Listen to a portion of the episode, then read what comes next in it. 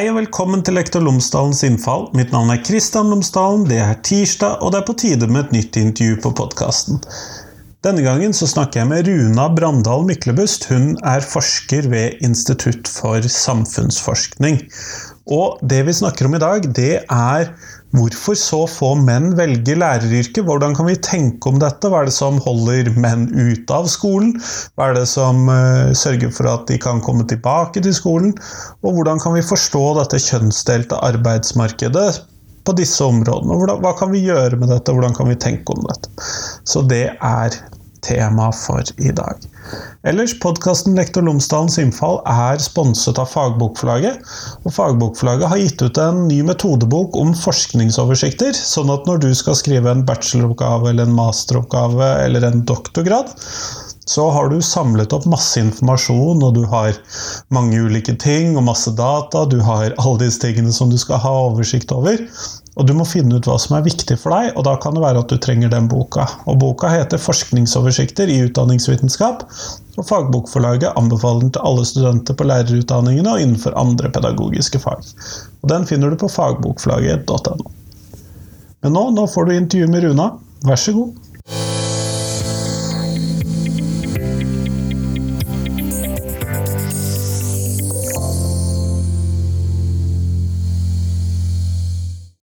Runa Myklebust, tusen takk for at du har tatt, eh, tatt deg tid til meg i dag. Tusen takk for invitasjonen. Før vi kommer sånn helt i gang med dette intervjuet, så hadde jeg håpet at du kunne fortelle lytterne mine tre ting om deg selv, sånn at de kan få bli litt bedre kjent med deg. Eh, ja, det kan jeg prøve på. Um, for det første så er, kan jeg si at jeg er utdanna sosialantropolog. Um, så jeg skrev doktorgrad om kjønn og utdanningsvalg. Eh, og den var vel mer sosiologisk for de som skulle være interessert i skillelinjene mellom eh, antropologi og sosiologi. Eh, for andre så er jo jeg sunnmøring, som man kanskje kan høre, fra kystperla Fosnavåg. Men nå er jeg borte i Oslo i snart 20 år, er det blitt. Um, også for det tredje så kan jeg si at jeg jobber på en veldig fin arbeidsplass som heter Institutt for samfunnsforskning, og der er en del av et fagmiljø som holder på med integrering og likestillingsforskning, da, der uh, kjønnsdeling i utdanning og arbeidsliv, som jeg holder mest på med, er jo en helt sånn sentral del av arbeidsoppgavene. Så det var ganske saklig, ikke så veldig fun facts kanskje, men Jeg kan avsløre at de fleste ligger nærmere saklig enn fun facts. ja, men det er bra. Det er greit. Men, og det er jo nettopp det du skisserer her nå som også er tema i dag, og kjønnssammensetningen av læreryrket og hvilke, hvem er det som velger å bli lærere. Men hva vet vi historisk om sammensetningen av uh, lærerkollegiet på dette feltet, da? Mm. Ja, det syns jo jeg er litt spennende med akkurat læreryrket som case, da. Fordi um, jeg har jo også studert um, uh, Altså, jeg har jo primært holdt på med uh, rekruttering av menn til kvinnedominerte utdanninger. Sånn som uh, læreryrket, altså grunnskolelærer 1-7 og sykepleie. Og um, sammenligna med sykepleiestudiet og sykepleieryrket, som alltid har vært kvinnedominert. Uh, og Florence Nightingale og en veldig sånn kvinnelig koda um, yrke, kan en si. Så var jo læreryrket helt mannsdominert, ikke sant? Og i Norge så var det jo fram til da, iallfall liksom midten og slutten egentlig av 1800-tallet, så var det jo kun menn. Og var, da fikk jo kvinner heller ikke lov, om de så hadde villet, til å undervise i skolen. ikke sant? Og så begynte jo det da en gradvis endring, først i byskolene. Eh, mot liksom, slutten av 1800-tallet. Eh, og da var det jo en ting var jo økonomisk eh, argument for å få kvinner inn, for kvinnene var jo lønna veldig mye dårligere enn mennene. Eh, så sånn sett så var det jo rasjonelt å, å la flere kvinner begynne å undervise. Men det var også um, vektlagt uh, er noe sånn Gro Hagemann, som er jo en sånn uh, dyktig skolehistoriker, som har noen sånn veldig fine sitat fra slutten av 1800-tallet, der en ser at det, en ting var liksom den økonomiske argumentasjonen, men det var også vektlagt at kanskje kvinnene hadde noen særlige kvinnelige egenskaper, som jeg kalte det, som kanskje kunne komme børnene til gode. Så da begynte en på en måte en, en, en, et litt annet fokus, da. Der en også fokuserte på sånne kjønn som egenskap, som, som jeg syns er interessant, og som vi ser også nå for øvrig. Da, så det kan vi jo komme tilbake til. Men i, i argumentasjon for å få flere menn inn. ikke sant? At menn har noe spesielt i kraft av sitt kjønn. Men um, ja, så da begynte det å endre seg. Og så 100 år seinere, slutten av 1900-tallet, så er det jo opp i, i over 70 kvinner. Uh, og, men dette er jo særlig da i, i småskolen, som en kalte det da, barneskolen, og 1 til 7, som en kaller det nå. Det er jo der uh, det er blitt færrest menn, da. Det er der kjønnsubalansen er størst. Men en ser at andelen menn har jo sunket i alle kategorier av lærere, da. også uh, i de eldre aldersgruppene, selv om det er færrest menn på de minste. Mm. Det er jo ganske interessant at dette for det første synker så kraftig for de yngste elevene, men at det også synker for de eldre elevene. Men samtidig, jeg har jo vært på en del lærerværelser etter hvert, og det, det synes jo. uh, men når vi da ser på dette, vet vi noen forskjeller i motivasjon for de ulike der, eller har vi noe, hvordan er innstig Vet vi noe om det, eller er det vanskelig å vite? Ja, altså, en veit litt om, om En er jo på en måte målt, det er jo noen som holder på med sånn motivasjonsforskning, og da gjerne dele inn i ikke sant, indre motivasjon, ytre motivasjon og altruistisk eh, motivasjon, f.eks. Uh, og der ser en jo at de som jobber på de laveste alderstrinnene, er mer altruistisk motivert. Um, og der er jo også studier fra Norge på NTNU, der de er gjort blant lærerstudenter, uh, der de ser det. Så altruistisk motivert handler jo da om at uh, det er en slags samfunnsnytte i, i, valget sitt. At de ønsker å, å, gjøre noe som betyr noe for samfunnet, eller at de sier at de ønsker å bety noe for barn og unge, f.eks. Og der ser en at mennene skårer minst like høyt på det med, med altruistisk eh, motivasjon som, som kvinnene gjør. Da. Uh, så jeg vet ikke om det er så stor forskjell på de studentene som allerede er der, av de mannlige og kvinnelige, men at det bare er færre av mennene. da. Ja, det ville jo også gi en, uh, en påvirkning på datamaterialet. Mm. Det vil jo det. Men uh, når du da ser på, hvis man da tar utgangspunkt i det, og når du da ser på årsakene til at uh, det blir få menn i læreryrket, hva er det du finner da? Mm. Nei, hvis vi ser på Vi har jo liksom sammenfatta en del av liksom forskninga på Hvorfor er det så få menn som vil jobbe, uh, og da særlig det laveste alderstrinna. Og dette er jo ikke bare et problem i Norge. Dette ser en jo i alle land. Jeg husker en sånn forskningsartikkel fra Australia der tittelen var liksom 'Mannlige lærere en utdøende rase'. eller noe sånt. For i noen land så, så, er det jo rett og slett står det enda verre til da, eh, enn det er i Norge. Så dette er jo etter hvert en liksom forsknings, stor forskningslitteratur som ser på grunnene til det. og det og ulike måter å liksom kategorisere den forskninga på. Men vi kan jo altså Vi er liksom delt inn i kanskje fire kategorier da, uh, som er liksom årsaker til at uh, menns bortvalg av læreryrket. Der én uh, er jo lønn og status, ikke sant. At, det er jo en del studier som viser at menn vektlegger lønn høyere enn kvinner når de skal gjøre utdanningsvalg. At de er mer opptatt av det. Og det kan jo også handle om at det menn tjener jo fremdeles mer enn kvinner, og, og har eh, oftere sånn hovedforsørgerrolle. Så det kan være mange grunner til at de, de vektlegger det høyere. Men det er jo én grunn til at en kan velge vekk eh, læreryrket sammenlignet med, med andre yrker. Uh, og så er det jo det som handler om mye av det som handler om uh, i, Når vi ser på kjønnsdelt utdanningsvalg, så handler det jo om rollemodeller. ikke sant? Og, og akkurat læreryrket er jo litt spesielt type utdanningsvalg. For du har jo sittet i 13 år og observert profesjonsutøvelsen, på en måte, ikke sant? før du skal ta det valget. Så en kan jo si at det er et godt inntrykk av hva det handler om da, eh, når en skal velge å bli lærer. Så det gjør det jo litt spesielt. Og da er det jo selvfølgelig at din egen erfaring med skolegangen da, og din egen erfaring med lærere har veldig mye å si. Og når det er veldig få mannlige lærere, så blir jo det etter hvert en sånn ond spiral, ikke sant? Og at du, du ser ingen rollemodeller.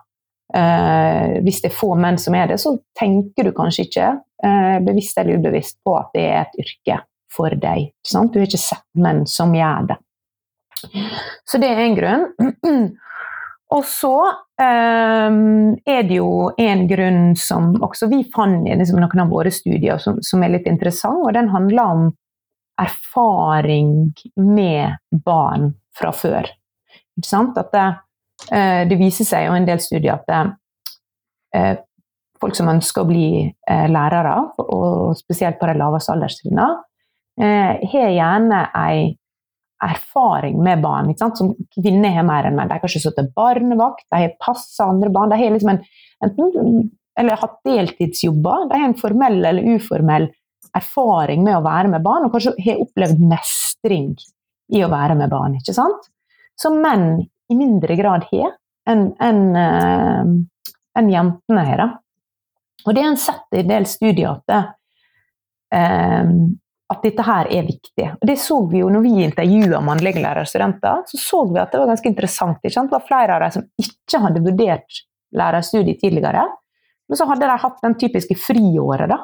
Jobba i barnehage eller jobba i AKS, eller eh, som det heter her i Oslo, SFO. ikke sant? Um, og bare opplevde det å være blant barn, og opplevde mestring. Og shit, det var jo veldig gøy, og jeg er ganske god til det. Uh, og så endra valget sitt, da. Uh, og En ser også en del studier som viser at det, den type erfaringer med å være blant barn er viktigere for de mannlige studentene enn de kvinnelige. Nettopp kanskje fordi det er litt mer utypisk valg, så du trenger kanskje mer bekreftelse. Uh, på, um, ja. Og så skal jeg bare si den siste kategorien, og det er jo at det er en oppfattelse av at det å jobbe med små barn, så er lærer på de laveste alderstrinnene, sammen med barnehage, er eh, passer bedre for kvinner enn for menn. Ikke sant? Det er jo sånn, Hvis et yrke er dominert av et kjønn, så danner det seg som oppfatninger som har med kompetanse og kjønning av kompetanse å gjøre. At kvinner kanskje er bedre til det her. ikke sant? Og det er jo med noen av, Mange av de kvinnedominerte yrkene er jo relasjonelle kompetansen er viktig. ikke sant? En type omsorg. Uh, og der det er på en måte stereotypiske oppfatninger om at kvinner er bedre på det. Da, I kraft av å være kvinne, så er kvinner bedre på det enn menn. Så det er jo også en sånn grunn for bortvalg av læreryrket. Nå ble det veldig mange kategorier på en gang her, men uh, ja, det var litt sånn jo, jo. kunnskapsoppsummering, da, sånn grovt sett. Mm. Eh, og da må jeg jo bare si, jeg ble jo også lærer etter å ha hatt eh, det som deltidsjobb ved siden av studiene. Akkurat. Det er veldig interessant, syns jeg. For det, det, er et funn som vi på en måte ser mer og mer, at det av og til er nesten tilfeldig erfaring eh, som noen har. Eh, så det er interessant. Eh, og det etter flere år som selger og kundeservicemedarbeider og en del andre sånne jobber ved siden av. Et lite halvår som lærer, fint, bli lærer. ja. ja, men det var gøy å høre. Ja. Dog jeg endte opp i videregående, i motsetning til kanskje noen av de funnene dere har som indikerer at eh, de kanskje da ender opp i barneskolen, noen av de. Ja, ja, ikke sant, de som har den Men det, det, vet vi egentlig ikke noe om, da, sånn de mønstrene er stort. Men uh, for de vi intervjua, var jo nettopp um, Skulle jo begynne å jobbe på 1 til 7, da. Nettopp. Så det var der vi snakka med, på en måte. Så, mm. Jeg hører noen rom for fremtidige forskningsbiter. Ja, absolutt. Jeg noterer meg her. Eh, men vi ser jo dette, eh, den samme skjønnsdelingen osv., så videre, sånn som du peker på, noen av de mm. samme forklaringsmodellene også i andre, for så vidt både kvinne- og mannsdominerte yrker. Stemmer mm. ikke det? Jo, det stemmer. Uh, dette er jo et uh, det, det, er jo yrker vi har som er eh, sterkt kvinnedominerte, og som er sterkt mannsdominerte. Men en sånn viktig skille her er jo at eh, det er jo bevegelse i det kjønnsdelte arbeidsmarkedet. ikke sant? Altså Selv om det er en, fremdeles vil jeg si at her, det, her, går det sakte og det er veldig statisk, og det er det. Men det er absolutt vært bevegelser de siste ti åra. Men den bevegelsen som har skjedd, handler jo om at kvinnene går inn i tidligere mannsdominerte yrker og utdanninger, ikke sant? og gjør at det blir kjønnsbalanse der. Og, inn, og for noen av dem, at det blir overvekt av kvinner. Ikke sant? Og så ser ikke en den samme type bevegelse eh, av menn inn i de kvinnedominerte yrkene, eller de som har vært de kvinnedominerte yrkene de siste tiåra. Eh, så det er jo på en måte et viktig skille mellom mannsdominerte og kvinnedominerte, som også handler om lønn og status og sånne ting. ikke sant? Altså hvor, hvor er det de kvinnelige yrkene befinner seg? ikke sant? Det er mer i offentlig sektor de store kvinneyrkene er, mens uh, um, lærermannsyrkene er mer i, i, privat sektor. Da. Så det, det er litt uh, forskjell på, på det kvinner. Men jeg ser jo også at de, både i sykepleie og i læreryrket så er det en del av de samme, iallfall det som handler om de minste barna. ikke sant? At det, dette her med liksom oppfatninga av eh, viktigheten av den relasjonelle kompetansen, Eh, og være litt sånn people person. At det er noen sånn stereotypisk oppfatning av at eh, kvinner er bedre, iallfall når det gjelder kanskje små barn, da, enn menn, som, som, helt klart kan ligge der og virke og påvirke, påvirke utdanningsvalg. Og dette gjør det jo på mange måter litt sånn krevende også å jobbe veldig godt med, fordi at uh, mange av de tiltakene Man har jo snakket om da, at vi vil ha kvinner inn i utradisjonelle yrker, og så har det, vært, det har vært snakket opp om, og det har vært forstått ganske godt og bredt tror jeg, i hvert fall en viss enighet om det, selv om man kanskje ikke nødvendigvis er enig i kvotering. Og så ser det ikke ut som man klarer å løfte disse menn inn i utradisjonelle yrker-kampanjene eh, på samme måte som man har klart å løfte eh, kvinnekampanjene på. Og så er jeg litt Jeg tror ikke det ligger på viljen hos politikerne som innfører det, eller bransjeorganisasjonene som innfører det, men det ser ikke ut som hva skal vi kalle det, populasjonen, publikum, er like mottagelige for de eh, kampanjene, slik jeg ser det. da. Men det eh, mm. tviler jeg på at du har sett på og forsket på spesifikt i dette her. Det... Nei, det har ikke jeg sett på og forska på, men det stemmer jo at det har vært flere tiltak eh, for å få kvinner inn i de mannsdominerte. Eh, ikke sant? Og på noen studieretninger og på NTNU og sånn, ikke sant? på realfag, så er det jo vært mange eh, tiltak og ressurser eh, iverksatt for å få kvinner til å velge annerledes. Og det er først egentlig nå de siste åra at det er blitt mer fokus på det å å påvirke menn sine valg. ikke sant? At mennene også kanskje må endre seg hvis vi skal gjøre noe med det her.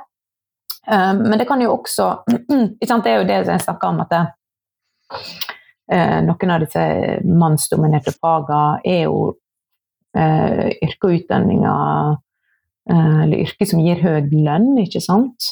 Sånn at det, det handler litt om hva de ulike yrkene liksom befinner seg. som jo har gjort liksom, insentiver for kvinner til å velge kjønnsutradisjonelt men jo da virker sterkere menn sin insentiv, ikke sant? Hvis en, eh, eh, når en har høy lønn eh, i de mannsdominerte. Så det er en viktig forskjell. Men så er det jo også liksom, et forskning som, som, er interessant, som, som bekrefter kanskje, eller ser på at det, eh, menn eller gutter blir i større grad liksom, korrigert for kjønnsutypisk oppførsel enn jenter blir, ikke sant? Eh, som jeg har sett på, på nei, barnehagen og sånn, der eh, at, eh, at, gutter i større grad blir korrigert for å, å oppføre seg på noe som blir oppfatta som litt i utkanten av, av egen kjønnsrolle. da. Eh, så det kan jo hende sånn sett også at det handler noe om liksom, det kulturelle handlingsrommet. Um, for menn og kvinner er litt eller gutter og jenter, er, litt, er også litt forskjellige. Mm. Og det er jo interessant i seg selv, men når dere da har eh, laget og forsket på dette og laget en rapport om dette, og vi, vi, vi kan tegne opp en problemstilling, og så kan vi jo selvfølgelig være enig eller uenig om det er et problem at det er en kjønnsovervekt. Det er, er det jo selvfølgelig en mm. Det er ikke gitt at svaret er det ene eller det andre, men la oss si at det er et problem, da. Mm. Hvis vi tar det som et utgangspunkt, og da må det bety at vi må gjøre noe med det. Mm. Uh, hvis ikke vi syns det er et problem, så kan vi jo la det skure og gå. Uh, Men hvis vi anser at det er et problem, hvordan håndterer vi det?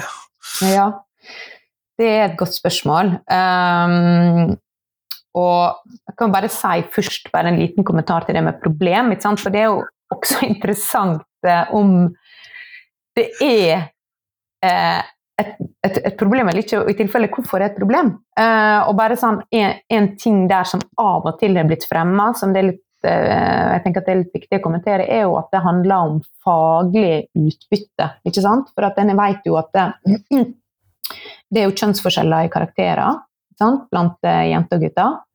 Eh, og så har det jo innimellom da blitt spekulert i, eller fremma som et argument, at ja, men kan det med at det nå er ingen menn, det kun er kvinner som underviser, eh, ha noe å si for eh, guttene sitt faglige utbytte? da. Men der er det jo vært en god del forskning faktisk som finner at for faglig utbytte har ikke kjønn noe å si. Så det er ikke derfor en skal være opptatt av i tilfelle å få flere menn inn for å heve guttene sitt, eller iallfall det de har gjort av studier hittil.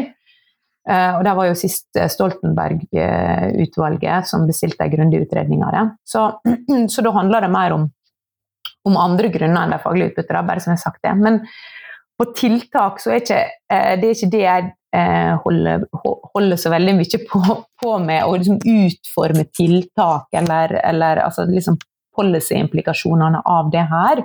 Nei, Det er sjelden forskerens eh, oppgave. Ja, det, det er sjelden forskerens oppgave. Men det, noe av det som har blitt på en måte forska på, da, om, om, hva som funker i tilfellet, så er det jo det med rollemodeller. Men igjen, der, han, der er forskninga gjort på å få jenter til å velge realfag, typisk. ikke sant? For det er det det meste handler om. Men, eh, men uh, der har en jo sett at det er sånn, og, og at jenter som skal ta utdanningsvalg, får møte kvinnelige eh, kvinner som studerer og som jobber med realfag.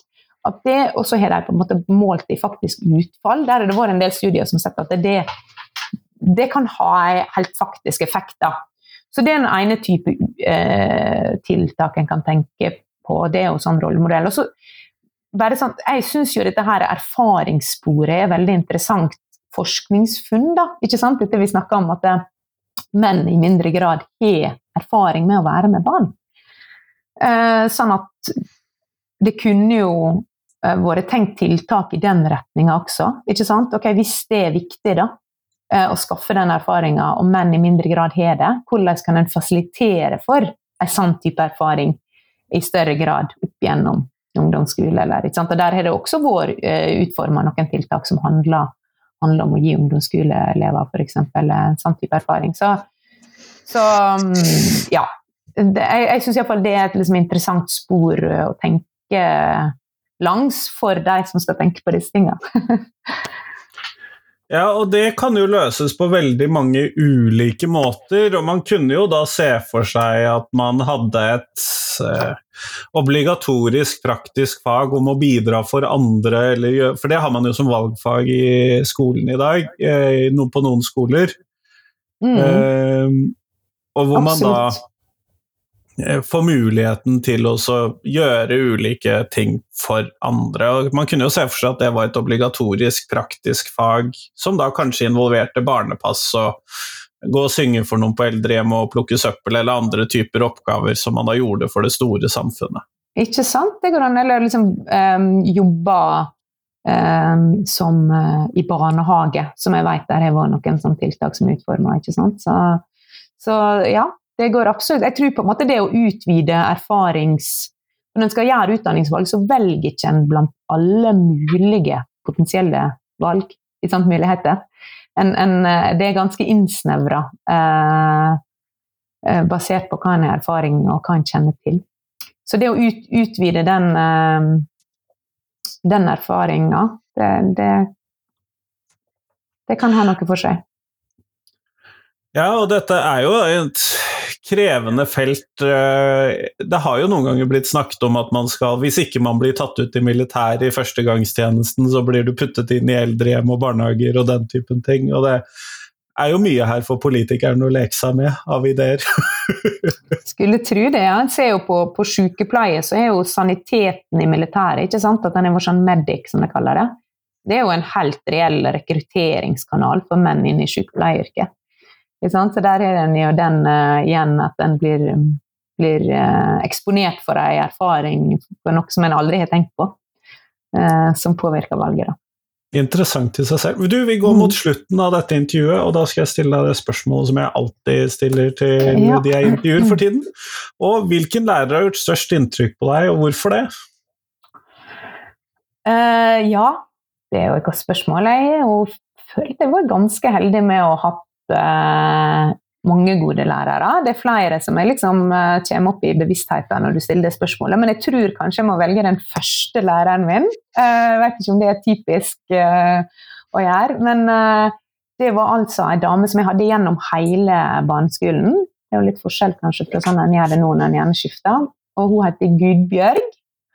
Var altså ei godt voksen, ganske myndig dame, men veldig likevel snill eller god på den relasjonelle kompetansen som det heter i forskninga. Veldig god på å se folk, selv om hun hadde liksom veldig kustus. Og grunnen til at jeg husker henne veldig godt, var at hun hadde en kniv. Altså en slags sånn tollekniv, eller sånn spikkekniv. Som hun brukte til å spisse blyantene våre. Så vi hadde ikke sånn blyantspisser, det var hun med den store kniven sin som liksom eh, spissa blyantene våre. Så jeg tror det liksom, og når jeg tenker på det nå, så tenker jeg at hun har den kniven i beltet, selv om jeg vet ikke om det var tilfellet. Men uh, det var liksom en litt sånn kul, kul figur. Så jeg tror det var hun som, uh, som står igjen. Det hørtes nesten ut som et litt skremmende bilde. ja, kanskje. Kanskje. Og litt tøft, da. Det kan jeg absolutt uh, gå med på at jeg også nok ville synes. Nei, men Kjempeflott. Tusen takk for at du tok deg tid til meg i dag. Bare hyggelig å være invitert.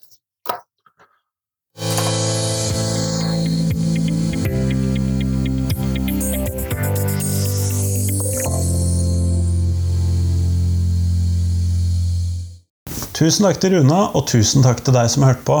Nå er det fram til fredag. Da kommer det en ny reprise på podkasten. Og på tirsdag igjen så kommer det en ny episode på podkasten. Nå har jeg i hvert fall planlagt det for de neste to ukene, og jeg har ikke noen ekstraepisoder på fredager planlagt på en stund, sånn at vi satser på at det holder. Denne gangen. du vet hvor god jeg er på det, ikke sant? Men, men. Vi prøver. Eh, Del podkasten min med noen som du tror vil sette pris på den. Det vil jeg sette utrolig mye pris på.